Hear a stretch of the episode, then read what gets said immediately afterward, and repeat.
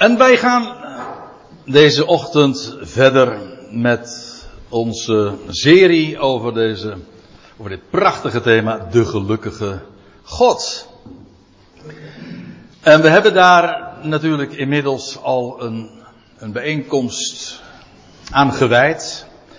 En daarbij ook in feite al vastgesteld wat dat betekent. Alle, alle vijfde bijeenkomsten, die hebben dat eigenlijk als het centrale thema. Iedere keer zal dat doorklinken. We hebben een God die gelukkig is. En Paulus noemt dat ook een goed bericht, een evangelie, een evangelie van heerlijkheid. Waarom? God, die God is, is gelukkig. Alles wat hij voornemens is, dat realiseert hij. Dat is wat het betekent dat hij de gelukkige God is. Nou, daar, zit nogal wat aan vast. Vandaag, vanmorgen moet ik zeggen, want vanavond hebben we natuurlijk nog een bijeenkomst. Vanochtend gaan we ons wat in, ons bezighouden met de gezonde leer. Waarom? Wel, het, het weekendthema is, ik lees het nog maar even voor, wat we vinden in vers 10 van 1 Timotheus 1 en vooral vers 11. En al wat anders de gezonde leer tegenstaat, dit is midden in een zin dat Paulus dat zo zegt. En alles wat anders de gezonde leer tegenstaat, in overeenstemming met het goede bericht van de heerlijkheid van de gelukkige God, dat mij werd toevertrouwd. Wel, in de eerste bijeenkomst, toen hielden we ons bezig met deze woorden, het goede bericht van de heerlijkheid. Een uitdrukking die we ook uh, elders vinden. En juist daar zijn we ook naartoe gegaan. Want dan gaat het over het goede bericht van de heerlijkheid van Christus. Die Gods beeld, Gods icoon is. En gisteravond was het onderwerp vooral hoe Christus als het embleem of het icoon van God. Degene is, de man is die Gods voornemen volledig gaat vol, uh, volbrengen en gaat realiseren. En dat hebben we gedaan aan de hand van Psalm 1 met name en Jezaja 53 waar dat zo ook naar voren gebracht wordt. Dat was de eerste bijeenkomst. Nu, deze bijeenkomst gaan we het hebben over de gezonde leer, die immers in overeenstemming is met het goede bericht van de heerlijkheid van de gelukkige God. Dus op een of andere manier, dat is wat Paulus hier zegt, die gezonde leer, uh, die loopt daarmee parallel. Dat is daarmee in overeenstemming. En in die gezonde leer moet dus ook klinken dat God de gelukkige is. En dat is dat evangelie dat Paulus is toevertrouwd. Nou, en dat is trouwens het, het uh, onderwerp van deze avond. Dan zullen we ons daar speciaal ook op richten. En dan de vierde bijeenkomst, ja, dan zoomen we echt volledig in op de gelukkige God. En waarom dat zo. Uh, nou ja, dan beperken we ons echt tot dat onderwerp. En dan zullen we trouwens ook een vraag onder ogen zien. Waar uh, namelijk het, het grootste bezwaar dat daar altijd tegen ingebracht wordt. Hoe kan God gelukkig zijn? Kijk eens om je heen. En dan bedoel ik niet van kijk eens naar je, om je heen naar die prachtige natuur. Zoals we vandaag natuurlijk al verschillende keren gememoreerd hebben. Maar als je even gewoon wat, wat verder in de wereld kijkt. En naar al het leed en alle moeite en alle toestanden. Hoe kan zo'n God met dat in gedachten gelukkig zijn? Dat is de vraag van, uh, van morgen. En ja, de vijfde bijeenkomst is een soort van appendix. Dan zullen we ons bezighouden met de gelukkige mens. Hoe dit alles een mens gelukkig maakt en wat dat dan ook vervolgens uitwerkt. Vijf bijeenkomsten. En allemaal zijn ze heel erg gelukkig uitgekozen, lijkt mij zo. Nu gaan we ons dus bezighouden met de gezonde leer. Want dat is waar Paulus het over had. Laten we eens dat voorgaande, dus wat direct aan vers 10 voorafgaat, lezen met elkaar. Want dat is namelijk ook als Paulus die gezonde leer ter sprake brengt, dan, dan refereert hij aan de dingen die hij daarvoor had geschreven. En dus ik stel voor dat we uh, de draad oppakken na de aanhef en de groet in vers 1 en 2. Dan zegt hij dit tegen Timotheus. En een aantal dingen zullen we heel snel bezien, want omdat dat anders te ver van ons onderwerp zou uh, afbrengen. Maar om toch even de, de context, de hele, het hele verband te lezen, dan lezen we, beginnen we te lezen in vers 3, waar Paulus schrijft aan Timotheus. Het is een persoonlijke brief. En wij kijken als het ware over Timotheus schouder heen. En dit is wat hij optekent. Blijf, zegt hij tegen hem, in Efeze, zoals ik je opriep toen ik naar Macedonië ging. Nou zouden we natuurlijk een hele verhaal kunnen gaan houden van ja, hoe dat precies ook alweer was, waar Paulus zich bevond en waar hij naartoe ging en zo. En ook het tijdsraamwerk doen we niet. We lezen gewoon eventjes de mededeling sec. En dan zegt hij waarom, en dat is nu wel, wel van belang. Hij zegt, blijf in Efeze zoals ik je oproep, opriep toen ik naar Macedonië ging. Waarom moet Timotheus daar blijven? Wel om aan sommigen op te dragen geen andere leer te onderwijzen. U kent wellicht de uitdrukking. Ik heb hem destijds, uh, nou in de christelijke wereld wordt die nog wel eens een keer gebezigd. Het gaat niet om de leer, het gaat om de Heer. En ik denk wel te begrijpen wat men ermee bedoelt. Maar uh, de uitdrukking deugt uh, van geen kant. Ik, ik zou haast zeggen, wie zoiets serieus meent, die verkondigt echt een andere leer. ja, want de leer is juist buitengewoon belangrijk. Nou, begrijp ik ook wel de aversie die veel mensen hebben tegen leer. Maar dat weet u hoe dat komt. Omdat er zoveel ongezonde leer bestaat. En dat maakt ook dat mensen een, een, een allergie, zeg maar, hebben ontwikkeld. Ik ken er velen van alles wat leerstellig is. Zelfs het woord zelfs, uh, daarvan krijgen mensen al uh, uitslag. Overdrijf wellicht, maar het scheelt niet veel. Laten we het dan voorzichtiger zeggen. Paulus benadrukt geen dat hij was daar geweest in Efeze en hij zegt Timotheus die moet daar blijven en blijf bij dat wat, heb, wat ik heb onderwezen. Geen andere leer te onderwijzen. En ook geen aandacht te geven aan mythen. Verdichtsels staat er geloof ik. Ook fabels in de NBG-vertaling. Maar hier staat gewoon het Griekse woord voor mythe. Ons woord mythe is een Grieks woord. Uh, maar één ding is duidelijk, het is een bedenksel van mensen. Al is het inderdaad soms knap bedacht, daar niet van. Maar het is een mythe. En Paulus zegt daaraan, die andere, de leer, dat is wat het suggereert. Die andere leer, die houdt zich kennelijk wel bezig met mythen. En eindeloze geslachtsregisters. Ja, uh, voor sommige mensen is namelijk, uh, en dat was voor deze leer, uh, leraren kennelijk ook het geval, waren geslachtsregisters, je afstamming, waren van belang, want in, in verband met de vraag van ja, waarop je aanspraak kon maken.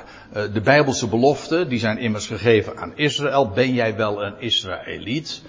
En, ik ken trouwens ook nu vandaag mensen die, die daar grote waarde aan hechten dat wij afstammen van ja, op een of andere manier van Israël. Bijvoorbeeld van de tien stammen. Maar dan is het van belang dat je ook je geslachtsregisters kent. Nou, uh, Paulus zegt, doe dat nou niet. Afstamming speelt geen enkele rol in de huidige tijd. Geslachtsregisters, genealogieën, hadden hun plaats in Israël, in de Tenach. Ik bedoel, God gaf uh, instructies voor de levieten. Maar dan is het van belang dat je een leviet bent. En dat je lijn, geslachtslijn ook klopt. Dat is duidelijk. En God heeft de, ver, uh, heeft woorden gegeven, beloften gegeven aangaande stammen. En dan in, als, als het daarom gaat, ja, dan is afstamming van belang. Maar nu gaat het evangelie naar de natieën. En ongeacht je afkomst, maken geslachtsregisters dus totaal geen enkele uh, verschil. Nou, Paulus zegt geen aandacht geven aan mythen of eindeloze geslachtsregisters die veel eer problemen verschaffen dan Gods beheer die in het geloof is. Dat wat God beheert en dat wat God in beheer geeft en dat wat een mens zou geloven. Het, uh, wat ook iedere keer weer blijkt, dat ongezonde leer, een andere leer ook altijd uitwerkt naar de praktijk. Dat wat je overtuiging is, dat wat je gedachtegang is, dat heeft een uitwerking in je levensstijl. Dat is, ja, is onvermijdelijk. Vandaar ook dat het uh, ook in dat opzicht belangrijk is om gezonde leer te hebben. die, dat werkt namelijk ook uit in je denkwijze, in je spreken, in je gedragen, gedragingen, maar ook in de keuzes die je maakt. Kortom, gewoon in je hele, je hele leven. Wel, die mythen en geslachtsregisters die leiden alleen maar tot problemen. Gedoe, komt er niet uit, ze zijn daarom ook eindeloos. Maar het, het is zo, staat zo haaks op dat wat God in beheer geeft en gewoon geloven dat wat hij zegt. Daar heb je helemaal geen ingewikkelde menselijke verhalen en genealogieën voor nodig. En dan zegt Paulus, het einddoel nu van de opdracht, die hij nu geeft, niet van, van alle vermaning, dat zou wel kunnen, zo, kunnen zijn, zoals de MBG dat geeft, maar er staat gewoon het einddoel van de opdracht, gewoon, namelijk deze opdracht die ik je geef, het einddoel daarvan, dat is liefde. Uit een rein, zuiver hart. Dus onvermengd. Dat is wat rein en zuiver is. En een goed geweten. En ongeveinsd geloof. Dat wil zeggen, dat is, dat is een wel leuk woord, dat ongeveinsd. Uh, ja, dat is uh, niet hypocriet. Het, weet u wat het leuke van het woordje hypocriet? Dat, is, uh, dat kwam eigenlijk uit de Griekse cultuurwereld. Een hypocriet, dat was een toneelspeler. Dat is leuk, hè? Want, uh, dus in feite had dat woordje hypocriet niet eens een specifiek negatieve lading. Het was gewoon toneelspel. Maar uh, voor een heleboel mensen is het hele leven één groot toneelspel. En juist in de religieuze wereld is het allemaal, uh, is, nou, is er heel veel toneelspel. Men doet zich op een bepaalde manier voor, maar dat is gewoon een masker. Maar dat is dus geveinsd. Je doet alsof, maar het heeft niks dat op dat moment, dan raak je ook je goede geweten kwijt. Want je bent namelijk niet meer eerlijk. En als een goed geweten ergens mee te maken heeft, dan heeft het wel te maken met dat je gewoon eerlijk bent. Dat je de waarheid recht doet. En daarmee je hart is, ook, is dan ook zuiver. Wel, dat is alles het einddoel van de opdracht, zegt Paulus. Maar hij stelt dan vast, en dat is precies de reden waarom hij Timotheus gelast daar in Timotheus, uh, pardon, in Efeze te blijven, geen andere leer te brengen.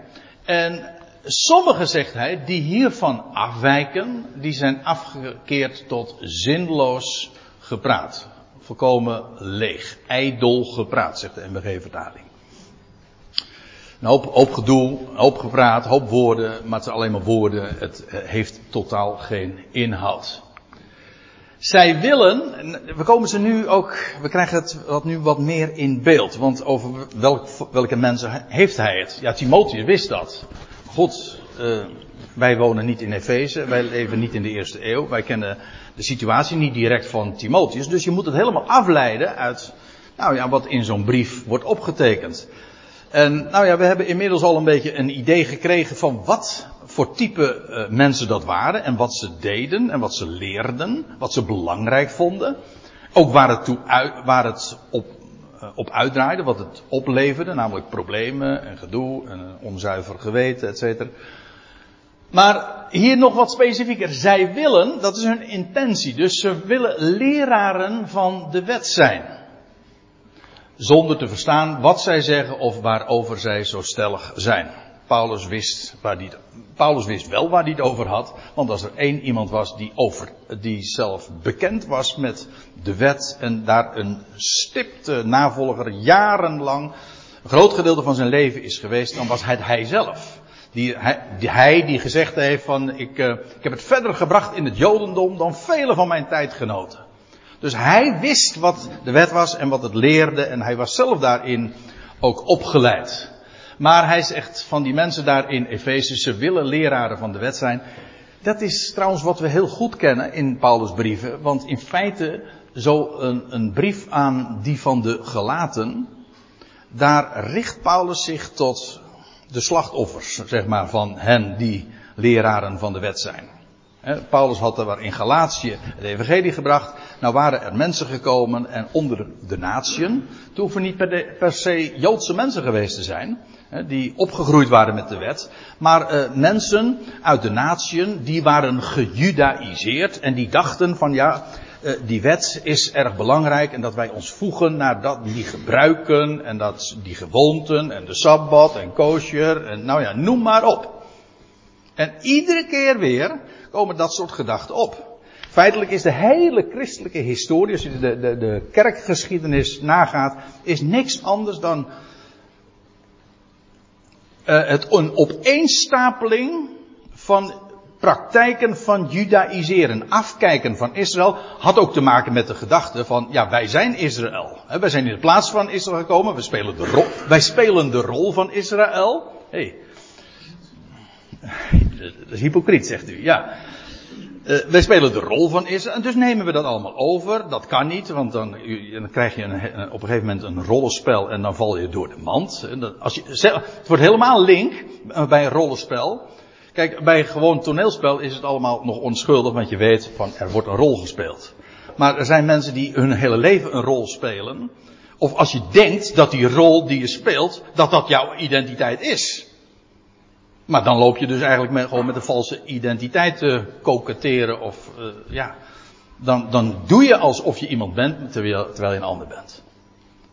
Maar in ieder geval, dat, uh, ik bedoel, de hele kerkelijke praktijk van alle riten en gewoonten en de, de, de sabbat werd aan de zondag en, nou ja, denk aan alle, ja, ik, als we het over toneelspel hebben, dan denken we ook aan verkleedpartijen, weet je wel, aan, aan, aan, aan, aan andere kleding en, en, en, en, priesterschap en ambten en allemaal afgekeken. Dagen, feesten, hoogtijden, noem maar op. Het is allemaal afgekeken van dat judaïsme. Nou, die leer, die opvatting, zoals Paulus dat uitgebreid ook weer legt in de Galatenbrief, die speelde daar ook in Efeze op, zoals dat iedere keer weer het geval is. En Paulus pakt ze hard aan. Dat wil zeggen, hij is daar zeer uh, duidelijk in, van dat is een andere leer. Hij zegt, zij willen leraren van de wet zijn, maar ze verstaan niet wat zij zeggen of waarover zij, zij zo stellig zijn. Uh, we moeten dus doorgaan. Want hij zegt, wij weten, wij weten echter dat de wet voortreffelijk is. Zeker. Dus van God gegeven namelijk. God heeft ooit die woorden aan Mozes gegeven. We hebben er gisteren ook nog even aan gedacht. Maar indien iemand haar op wettige wijze gebruikt. Dat lijkt mij duidelijk. Die wet die God aan Israël gaf, aan het volk dat hij uit Egypte geleid had, daaraan gaf hij die wet.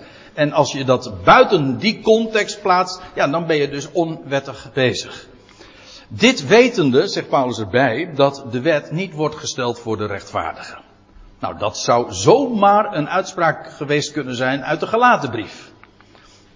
Want waar, wat trouwens in heel uh, dat evangelie dat Paulus onderwijst, de Romeinenbrief, de Galatenbrief met name dan ook, uh, waarin hij naar voren brengt, ja wat is een rechtvaardige voor God? Dat is iemand die gelooft. Dat is maar geen administratieve handeling van God zo van, uh, oh jij onderschrijft een leerstelling en nu ben jij, nou reken ik jou tot een rechtvaardige. Nee, het is veel dieper. Iemand die God vertrouwt, want dat is wat geloof is. God beloofde. De eerste van wie je dit leest is Abraham.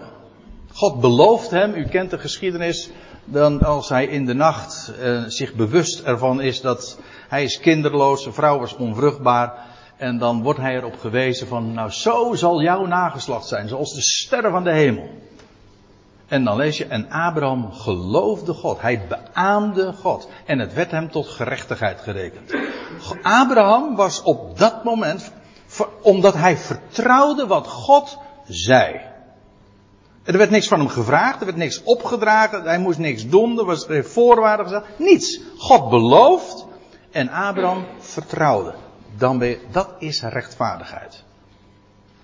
Eigenlijk ben je dan ook op precies daar gekomen waar, waar God een mens hebben wil. Namelijk dat je hem restloos vertrouwt. Een rechtvaardige in de Bijbel is per definitie hetzelfde als een gelovige. Dat, zo rekent God. Als ik het dan toch even administratief mag zeggen. De wet is, uh, die wordt niet gesteld voor de rechtvaardige. Nee, wordt gesteld. Uh, in feite blijkt dat ook wel uit de wijze waarop dat dan in, de wetten altijd geformuleerd wordt. Hè? Gij zult niet echt breken. Tegen wie zeg je dat? Hm? Als je het even als wet opvat, hè? Als, als, als een commando, dan betekent dat, dat wordt gezegd tegen mensen die in ieder geval de neiging hebben om echt te breken, toch? Om maar wat te noemen. Nou, wetende dat de wet niet wordt gesteld voor de rechtvaardigen, maar voor, nou, en dan gaat Paulus uh, een hele categorie noemen die ik tamelijk vermoeiend vind. Ik denk Paulus zelf ook. Maar om zijn punt te maken. En uh, trouwens, het is wel opvallend hoe hij daarbij in de, nou in de rubricering is misschien te veel gezegd, de lijn volgt ook van de tien woorden.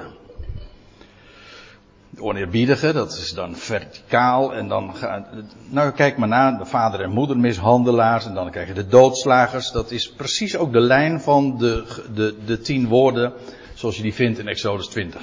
Kijk dat maar eens een keertje na. In ieder geval, laten we eventjes een paar dingen eruit lichten. Dingen die niet misschien zo uh, onmiddellijk duidelijk zijn. Uh, voor wie is die wet dan gesteld? Wel, zegt Paulus, voor wettelozen en niet ondergeschikten. Een wetteloze, dat is iemand die geen norm heeft. Dat is wat wet, nomos, uh, eigenlijk ook is. Ons woord norm ook. Oftewel, als je geen normen hebt die je aangeleverd worden, dan, betekent het dus dat je jezelf als norm stelt. Er is maar één norm en dat is wat ik vind en ik meen en ik voel en ik doe, et cetera. Dan ben jij zelf dus de norm, maar dan ben je dus uh, wetteloos, normloos. En ook dus uh, niet ondergeschikt, want je laat je niet gezegd door. Die wet is voor oneerbiedigen en zondaars. Oneerbiedigen, dat is trouwens, die wil ik er even uitlichten. Want dat is uh, een woord, a-sebea, en dat is letterlijk zonder verering. Waarom zeg ik dat er even bij? Dat zijn. Um, ja, in de MBG-vertaling wordt het weergegeven met goddelozen. Het idee is, ze zijn oneerbiedig. Dat betekent het letterlijk. Maar er, dat woordje, dit woord wat hier gebruikt wordt, is, kent een tegenstelling. En dat is ui. En dat is goede verering. En dat woord kennen we. Dat komen we namelijk heel veel keren tegen in het Nieuwe Testament. Alleen wordt het altijd vertaald met godsvrucht. Uh, eigenlijk stelselmatig wordt het altijd vertaald met godsvrucht. Wat uh, een wat lastig woord in het Nederlands is, want wij denken bij godsvrucht, ja, dan denk je meteen aan fruit of zo. Maar dat, het schijnt etymologisch juist dat Nederlandse woord afgeleid te zijn van Duits, furcht, en dat is vrezen. Dus Gods vrezen. En dat komt er dichterbij.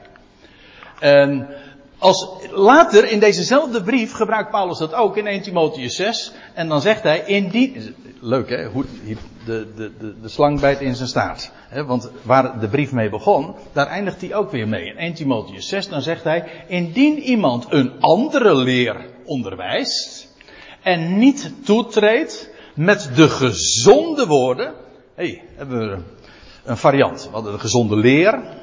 En hier hebben we gezonde woorden. En hij zegt dat zijn de gezonde woorden van onze Heer Jezus Christus.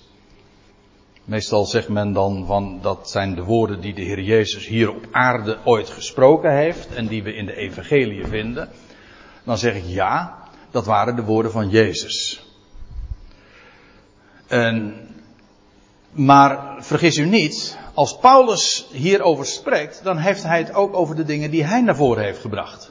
Sterker nog, hij zegt zelf, het evangelie wat ik onderwijs, wat ik predik, maar ook onderwijs, dat heb ik niet van mezelf, dat heb ik door openbaring van Jezus Christus. Jezus Christus heeft zich persoonlijk aan hem geopenbaard en ook onderwezen. Met andere woorden, hij heeft de woorden van de Heer Jezus Christus van onze Heer, Jezus Christus, daarboven, vanuit de hemel dus. Want meestal wordt, is dan de gedachte van, nou, Paulus is gegrepen op de weg naar Damascus en de Heer is aan hem verschenen eenmalig. Nee, de Heer had gezegd, uh, we spreken elkaar nog. Even uh, zo. Hij zegt, ik, ik zal je opnieuw weer openbaren. En Paulus is naar Arabië gegaan en hij is, ja, Weet u wel, waar ooit, waar de berg Sinaï ook ligt. Daar is, naar Arabië is hij gaan. Hij is door de Heer onderwezen. Hij heeft de woorden van onze Heer Jezus Christus hoogst persoonlijk gehoord. Dus denk niet hier per definitie alleen maar aan de woorden die de Heer Jezus hier op aarde sprak. We denken dan in het bijzonder, zelfs in de eerste plaats, aan de woorden van de verheerlijkte Heer, die hij aan Paulus heeft bekendgemaakt. Eigenlijk is dat meer een onderwerp voor vanavond, maar goed, dit was dan een aanzetje. Eh, eh, het gaat mij namelijk om die laatste regel in deze zin. Want die gezonde woorden van onze Heer Jezus Christus, die zijn naar of in overeenstemming met de leer van eerbied. Oftewel, zoals de NBG zegt, de leer der godsvrucht. Met andere, het is eerbied namelijk voor God. De gezonde leer, de gezonde woorden leiden tot eerbied voor God. Dat is heel karakteristiek voor de gezonde leer, voor gezonde woorden, dat het eerbied oproept, genereert, voortbrengt, onderwijst, maar ook inderdaad de, de voedingsbodem daarvoor is. Eerbied ontstaat niet zomaar, dat kun je niet zomaar op commando opleggen. Dan krijg je weer toneelspel. Je kunt, dan krijg je een schijn van godsvrucht. De, uitdrukking hebben we, heb ik vanmorgen eerder gehoord. Nee, dat is, dat is, dan heb je weer schijn. Hè? Nee, echte eerbied voor God, dat, is, dat moet gevoed worden. Waardoor God groot wordt. Hè? Waardoor je eerbied krijgt voor, voor Hem, voor God. Dat Hij werkelijk God is. En, en waar we het uh, dit weekend over hebben, dat hij de gelukkige God is. Gezonde woorden, gezonde leer leidt tot eerbied voor God. Daaraan, daaraan kun je gezonde leer ook herkennen. Wat is gezonde leer? Dat is een leer waarin God groot gemaakt wordt, verheerlijk wordt, waarin zijn glorie uitgestold wordt. Waar hij zegt, wauw, wat geweldig, wat groot, hoe, hoe onvoorstelbaar rijk en heerlijk is hij. Dat. Als een leer, als onderwijs niet daartoe leidt, dan zouden alle lampjes moeten gaan branden van, en waarschuwingen klinken, want dat deugt niet. We gaan even verder. Uh, want we waren nog steeds in die vermoeiende lijst. Hè? Maar goed, we zijn nog vroeg in de morgen, dus we uh, schrikken daar niet voor terug. Uh, voor wettelozen, ondergeschikten, voor oneerbiedigen, zondaars. Nou, we weten wat dat is. Voor onrechtschapenen. ja, wat is dat? MBG zegt onverlaten. Onheiligen. Onheilig betekent eigenlijk, heilig betekent gewijd. En uh, ja, tegenstelling onheilig, dat is niet gewijd. Dat is profaan of banaal of alledaags. In feite, als je God leert kennen, dan wordt het hele leven ook inderdaad heilig. Want dan is, dan alles, alle aspecten van het leven, ja, hij is daarvan de schepper. Dus heel de schepping, waar ik ook kijk of zie of meemaak, alles herinnert mij aan de grote God. En dat maakt het hele leven ook heilig. Er, bestaan geen terreinen van waar God buiten staat. Bestaat helemaal niet.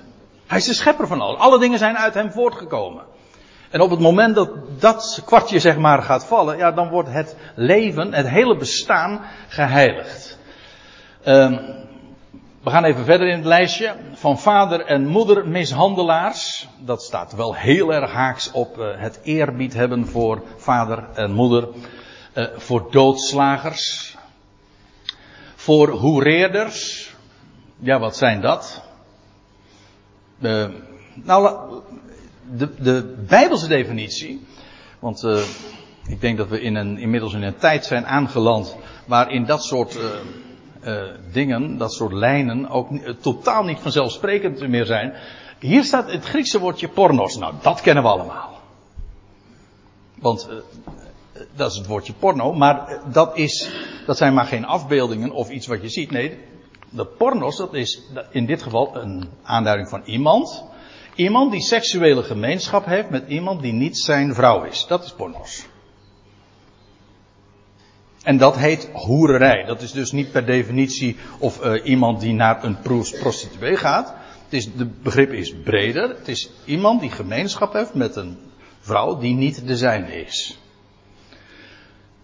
Nou, ik heb hier de teksten bijgeschreven. Uh, u kunt dat daar uh, nalezen. Dan zie je dat gewoon heel duidelijk ook beschreven. dan, deze ligt misschien wel heel erg gevoelig. Nou ja, ik bedoel eh, in deze tijd. Ik bedoel niet specifiek in deze groep, maar als je dat zo zegt. Eh, voor mannenliggers. En ik heb het expres maar zo weergegeven, omdat dit namelijk de meest letterlijke weergave is. Hier staat in een Grieks, eh, een Grieks woord arseno koites. En dit arseno, dat betekent mannelijk. En dit woord betekent eigenlijk liggen. En betekent dus eigenlijk gewoon letterlijk een man die ligt met een man. Dat koites, wij herkennen trouwens ons woordje coitus daar nog in. Seksuele gemeenschap. Nou, dat is waar Paulus het hier over heeft. Paulus kende dat woord ook vanuit de, de Hebreeuwse Bijbel, of eigenlijk in de Griekse vertaling. In de Septuagint wordt dit woord, wat hij hier gebruikt, ook gebezigd in Leviticus 18, waar het letterlijk inderdaad ook gaat over mensen die seksuele gemeenschap, mannen die seksuele gemeenschap hebben met een andere man.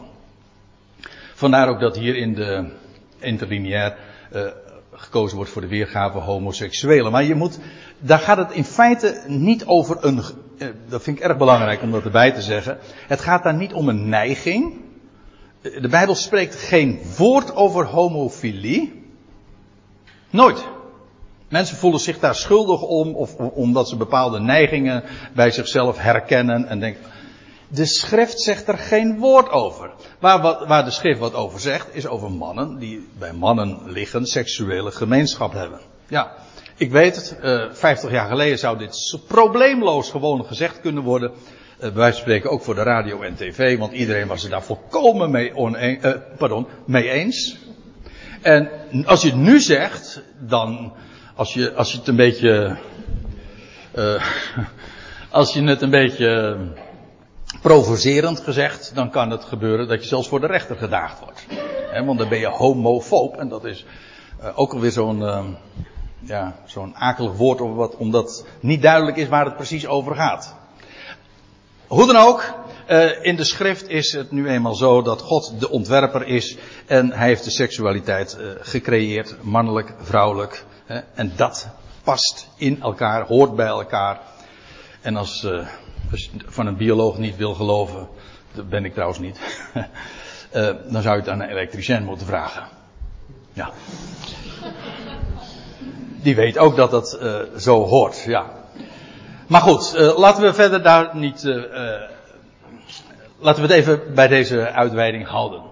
Voor mannenliggers, voor mensenhandelaars. Ja, die had je toen ook al ik kan me voorstellen dat u precies het tegenovergestelde dacht van, ja, die had je toen nog. Eh, maar ik denk eigenlijk, die had je toen ook al. Ja.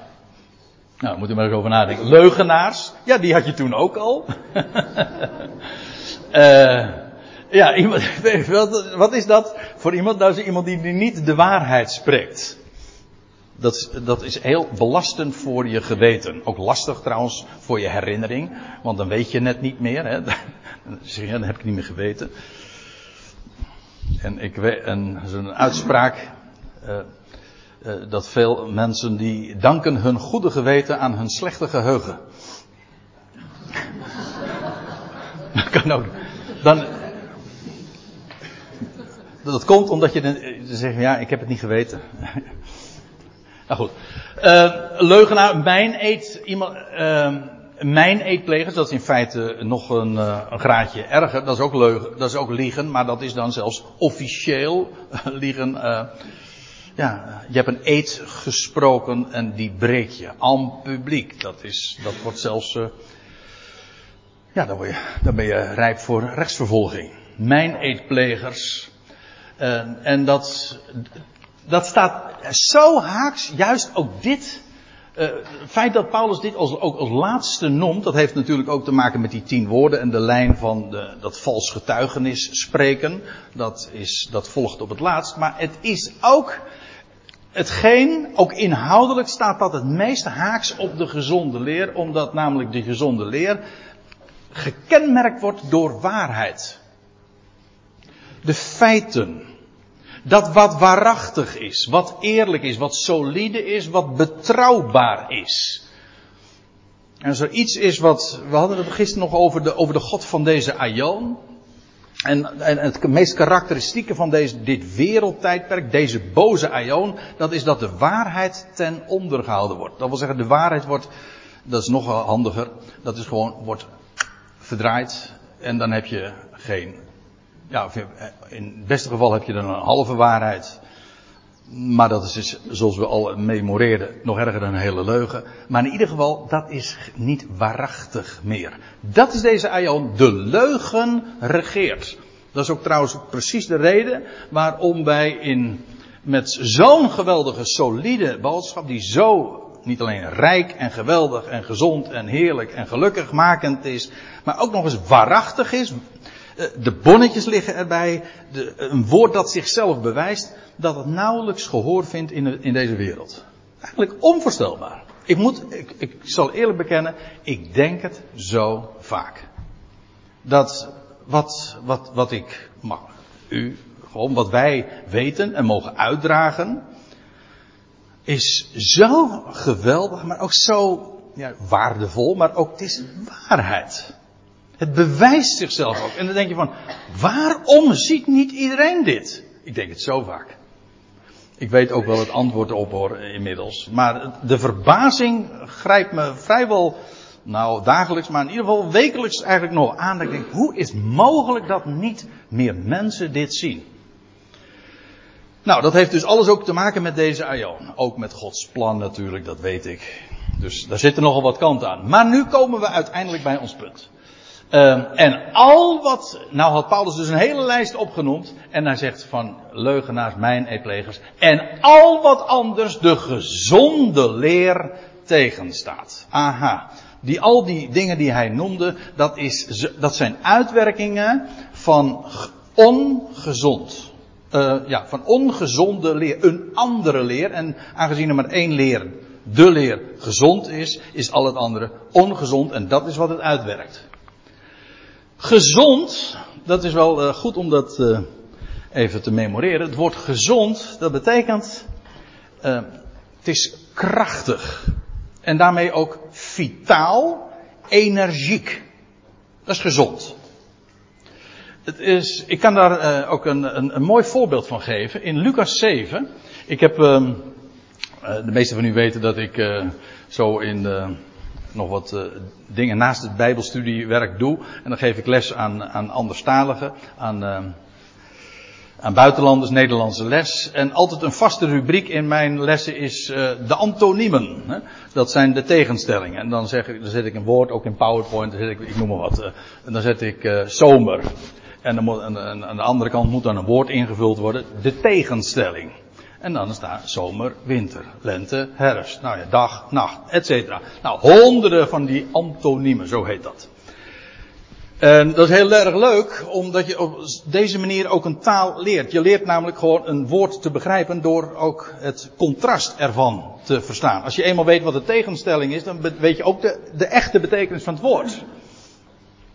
Daar gaan we trouwens morgen eh, nog dieper op in. Hoe wij ook uh, het goede leren kennen Juist door het kwade. Maar meer ga ik er niet over zeggen, want dat is morgen. Maar zo werkt dat. Je leert de dingen kennen door contrast. Maar hier even als voorbeeld van wat gezond is. Daar wordt eh, gesproken over de genezing van een slaaf. En dan lees je dat, ik meen dat de discipelen, maar ik weet niet meer precies de context, maar er wordt gezegd, zij vonden de slaaf die, uh, de meeste vertalingen zeggen dan die ziek was, maar letterlijk staat er die zwak was. En ze vonden hem nu gezond. hey, de tegenstelling van gezond is zwak. Maar dan weet je ook meteen wat gezond is. Gezond is dus sterk. Of vitaal. Of krachtig. Of welk woord had ik nog meer gebruikt? Energiek. En het uh, herinnert mij aan een boek dat ik twintig jaar geleden eens aangeschaft heb. En dat boek heet Vitaliteit. Nou ja, Dat ging ook over, uh, ja, ja, het hele boek gaat over, uh, over gezondheid. Maar het leuke van, dat, uh, van de inleiding van het boek is dat dat was een arts. En die, uh, onder, die onderwees ook dat gezondheid, dat is inderdaad vitaliteit. En ziek, zei hij, hij zegt dat is in feite een gebrek aan energie. Dat was zijn definitie. Er zitten medici in ons gezelschap, dus ik, ik ga mijn nek niet uitsteken. Maar dat is wat deze arts naar voren bracht. Feitelijk, ziekte is in feite altijd een gebrek aan kracht, aan energie, waardoor ook uh, het lichaam niet in staat is uh, om ja, dus uh, krachtig te blijven, vitaal te zijn. terug naar die gezonde leer. De gezonde leer die is vitaal, krachtig. Dat vind ik mooi hoor. Die, het is in overeenstemming met het evangelie, met een goed bericht van heerlijkheid, van een gelukkige God, maar het is ook het is onderwijs en dat onderwijs is gezond. En ja, wat, uh, eigenlijk, dat is ook alweer zo uh, gelukkig. Wat blij maakt, wat je kracht geeft. En als er iets is wat we in, een in deze wereld ook nodig hebben, ja, dan is het ook kracht om staande te blijven. Want er, zijn, er komt zoveel op ons af, eh, om even in de terminologie te blijven. Zoveel ziekten, zoveel bacteriën, zoveel uh, ongein. Uh, zodat je zomaar gemakkelijk geïnfecteerd wordt. Dan is het zo belangrijk dat je weerstand hebt. Oftewel, vitaal bent, krachtig bent. En dat is fysiek waar, maar het is bovenal ook geestelijk waar. Trouwens, ik geloof zelfs dat er een connectie is tussen geestelijke vitaliteit en dat dat ook heel gezond, een gezond effect heeft. Ik zeg niet dat er een één op één relatie is begrijp me goed. Maar het, het is heel gezondmakend. Het is heel, gez, het is heel gezond voor je body om gezond te denken. Gezonde leer, die is in overeenstemming met het goede bericht van de heerlijkheid van de gelukkige God, waarvan Paulus zegt dat werd mij toevertrouwd. Uh, hij zegt wat de gezonde leer tegenstaat. Hij, hier zegt hij negatief. In feite wat hij hier naar voren brengt, uh, wat hij zojuist naar voren gebracht had, dat, staat alle, dat is allemaal precies het tegenovergestelde en het, het is ook het tegen, uh, de tegenstelling van gezonde leer. In, in de Titusbrief brengt hij dit ook, brengt hij ook de gezonde leer ter sprake. En dan doet hij het juist positief. En dan zegt hij van onderwijs, dat zegt hij dan tegen Titus, onderleert alles wat de gezonde leer betaamt. Of wat strookt met de gezonde leer. Dat is de benadering dus positief. En dan krijg je een hele lijst. Laten we daar trouwens toch eens even naartoe gaan. Uh, in feite gaat hij dan, als we dan in de Titusbrief dat leest, in Titus 2, dan gaat hij vervolgens de oudere mannen, de oudere vrouwen, de jongere vrouwen, de jongere mannen uh, instrueren. Alles wat de gezonde leer betaamt. Dat wil zeggen in overeenstemming is met die gezonde leer. En op een gegeven ogenblik, dat is de vijfde categorie die hij dan aanspreekt, dat zijn de slaven. Ik kom er morgenmiddag nog even op terug. Maar nu alvast wil ik even dit voorzetje geven. Want dan zegt hij uh, wat die gezonde leer betaamt. En dan noemt hij dat de leer van God. Maar dan zijn we inmiddels in 2, uh, eh, Titus 2 aangeland. Laten we daar eens naartoe gaan. Want je wil weten, wat is nou die gezonde leer? Oké, ze is gezond, ze is vitaal. We weten ook waar tegenover het staat. Maar wat is nou dat gezonde onderwijs? Ja, het is, oh ja, dat weten we ook al inmiddels al. Uh, het is in overeenstemming met het evangelie dat aan Paulus werd toevertrouwd van de gelukkige God. Dat weten we ook. Maar is er nog niet wat meer over te zeggen? Jazeker. Wat specifieker. En het mooie van deze, van deze serie, van wat we van dit weekend bespreken, uiteindelijk komen we iedere keer in al die bijeenkomsten tot één conclusie. Linksom of rechtsom, het kan je niet ontgaan. Al, mocht één, uh, één, één bijeenkomst gemist worden of één bijeenkomst die zegt van nou sorry André, maar die valt niet helemaal bij mij. Of, dan zeg ik nou geen probleem, want er zijn nog een paar andere bijeenkomsten. En uh, uiteindelijk vertel ik iedere keer, God is de gelukkige.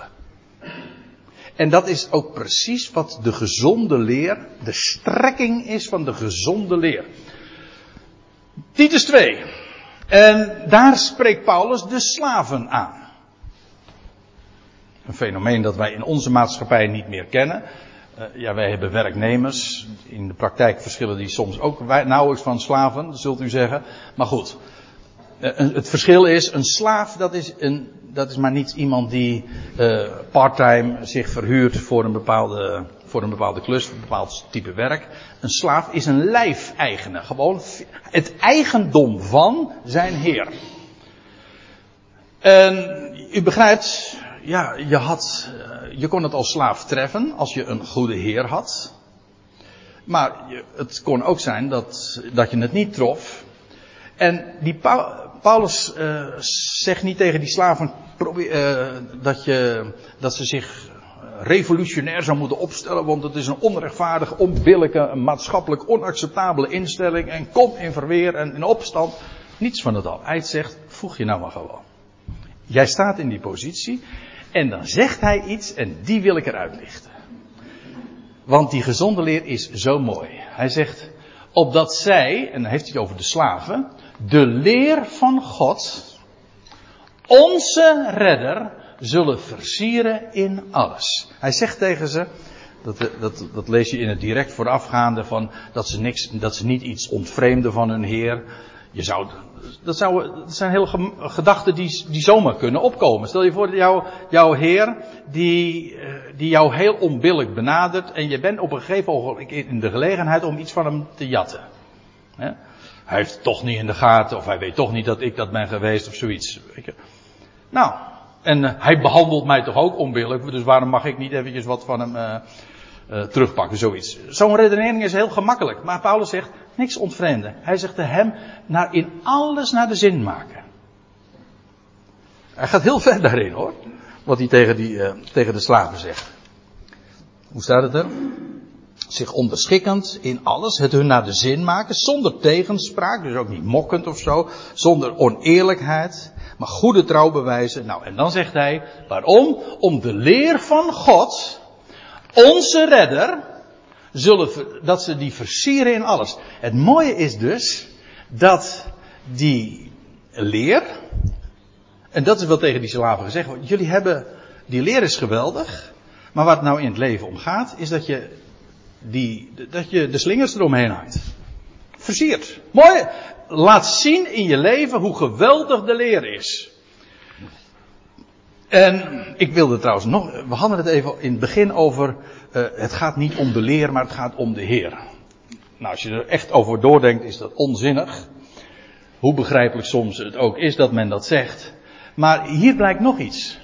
Namelijk, het gaat in ons gedrag om de leer van God onze redder. Ik weet, sommige mensen zeggen het, ik, heb het uh, meer dan eens gehoord. Het gaat uh, in de leer altijd om ons gedrag. Dat is wat men zegt.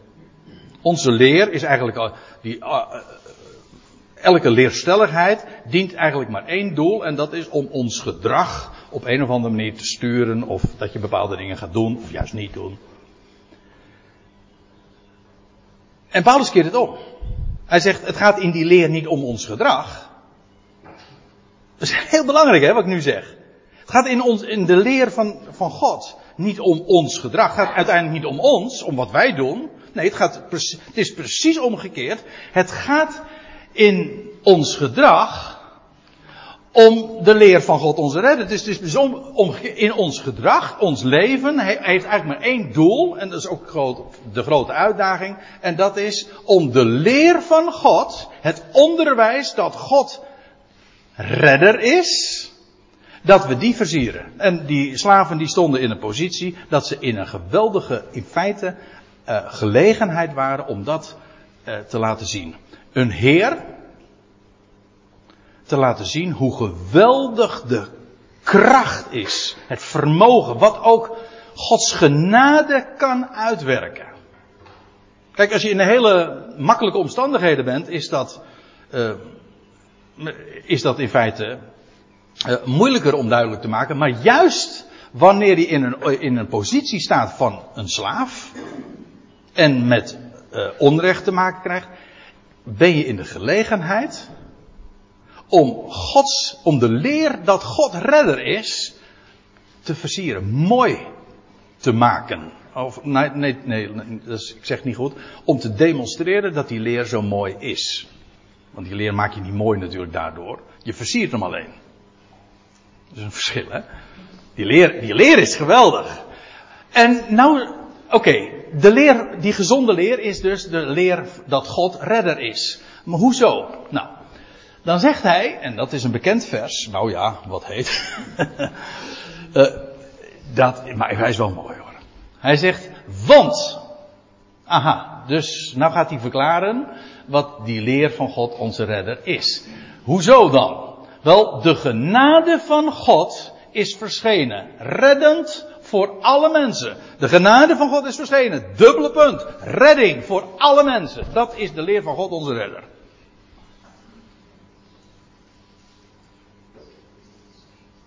Dat is gezonde leer. De genade van God. En dat, dan begrijp je ook meteen waarom die slaven uh, in die gelegenheid waren. Trouwens, het geldt voor ons natuurlijk voor de mensen in het algemeen. Maar hier wordt het specifiek tegen die slaven gezegd. Die Heer van jou, wie hij ook is, die. Ineens brak het licht door, hè?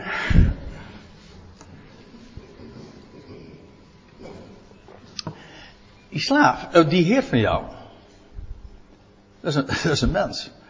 En God is zijn redder. Dat weet hij niet. Misschien wil hij er ook niks van weten.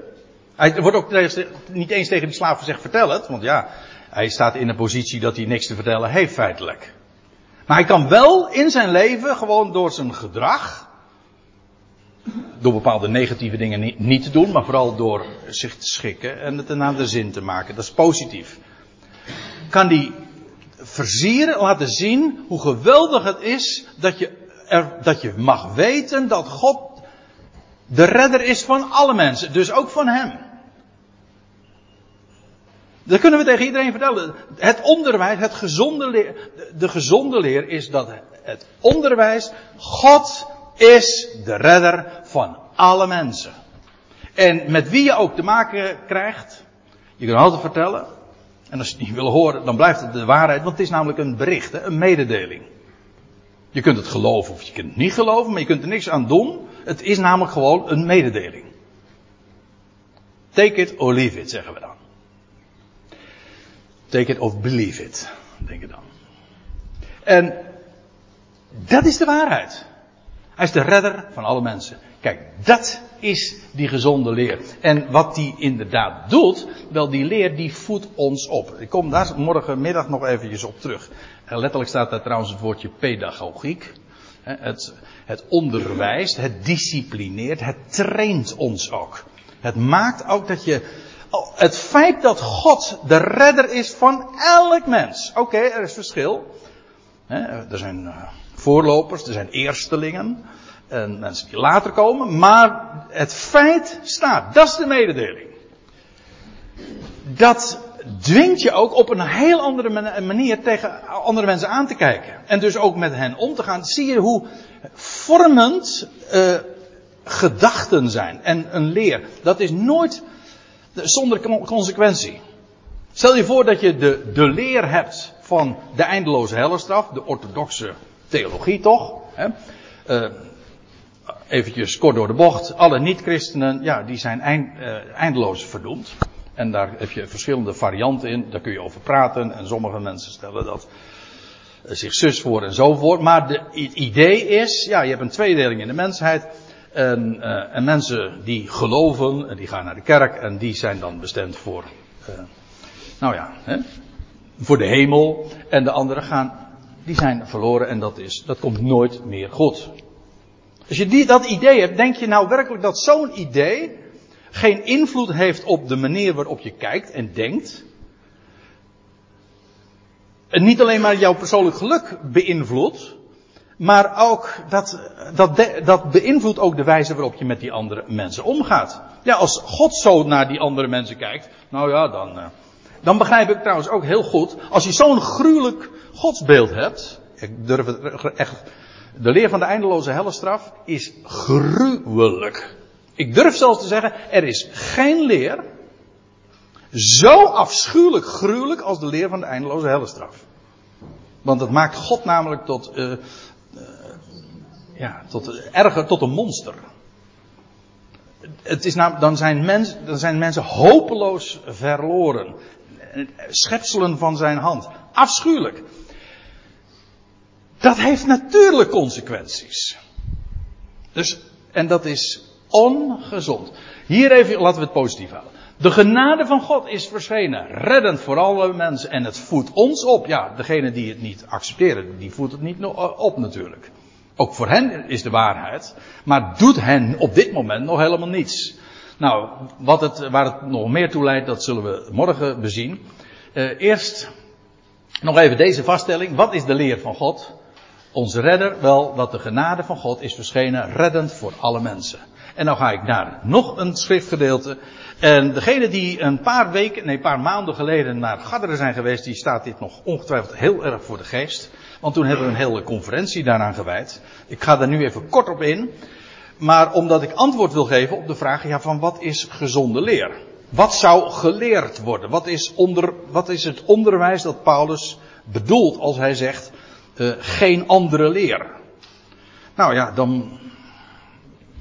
We zagen dat nu in de Titusbrief. We gaan nu weer even terug naar die brief waar we, waar we mee begonnen, namelijk 1 Timotheus. En dan zegt hij in 1 Timotheus 4 dit. En dan begint hij met deze vaststelling. Betrouwbaar is het woord. En alle verwelkoming waardig. Hij zegt dat vaker trouwens.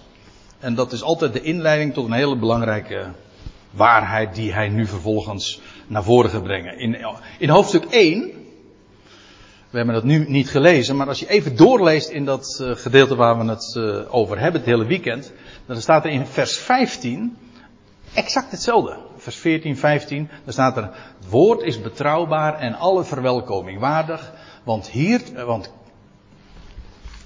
hoe staat het nou ook weer precies, dat Christus Jezus in de wereld kwam om zondaren te redden waarvan ik de eerste ben. Dat zo zegt Paulus het. Hij zegt dan van, nou ja, wat is dat betrouwbare woord? Dat, uh, dat, uh, dat Christus Jezus in de wereld kwam. Ja, om wat? Wat was zijn missie? Wat was, waar, met het oog waarop? Wel, om zondaren te redden. En ik ben de eerste van de zondaren. Dus er is hoop voor mij. Maar dat betekent dus een hoop voor alle zondaren. En de grote vraag natuurlijk die je zou kunnen stellen, ja, dat, dat, dat was de missie van Christus, dat was het oogmerk, maar gaat hij dat ook bereiken? Nou, eigenlijk dit hele weekend is, dat is niet alleen maar zijn missie, dat is niet alleen maar zijn oogmerk, dat is niet alleen maar waarvoor hij kwam, hij bereikt dat ook. Dat maakt hem ook, nou grijp ik weer terug op, op gisteren, hij is de gelukkige man. Aan al wat hij onderneemt, dat gelukt hem. Dus hij is daarin succesvol. Dat is dat succesevangelie wat hier dit weekend wordt uitgedragen. Hij is voorspoedig in zijn oogmerk, in zijn handelen. Het betrouwbare is het woord en alle verwelkoming waardig. En Paulus zegt, want hiertoe zwoegen wij en strijden wij, dat was hij ging. Werelddelen bezocht hij en stad en land reisde hij af en schipbreuken heeft hij ervoor geleden. Het, nou, met recht zwoegen dat woord kun je er echt wel, uh, dat labeltje geeft hij zelf, maar als hij dan ook inderdaad in detail beschrijft wat hij allemaal daarvoor heeft gedaan en ondernomen, dan zeg je ja, inderdaad, dat is wel zwoegen. Dan hebben wij het maar luxe hoor, vandaag, denk ik. En trouwens, ook als het gaat om dat laatste, dat strijden.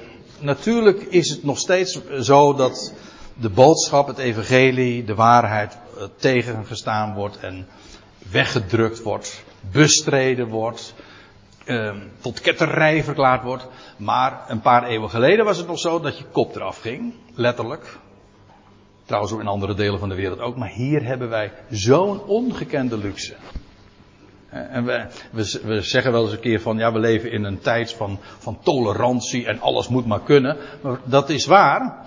Maar ik moet u zeggen, daar profiteren we dan toch ook maar mooi van. Van die tolerantie. Want dat betekent namelijk dat we vandaag dat, als je nu vertelt, het, ja, het evangelie, de gezonde leer, God, onze redder, hij de, de genade van God is verschenen, redding voor alle mensen, als je dat vertelt, dan kunnen ze hun knar, tanden knarsen, maar je belandt hier niet voor in de bak hoor. Ze kunnen hooguit je uit het kerkverband zetten, maar goed. Dan denk ik, daar ben je dan ook weer goedkoop vanaf, hè? Ja, ik bedoel, wat zegt dat? Dan sta je, dan zeg je, ja, god, dan ben ik ineens, dan sta ik buiten het verband, hè? Dan ben ik, uh, dan ben ik ineens vrij. Hey. Hè? ja, daar zou jij je verhaal over kunnen vertellen, ja.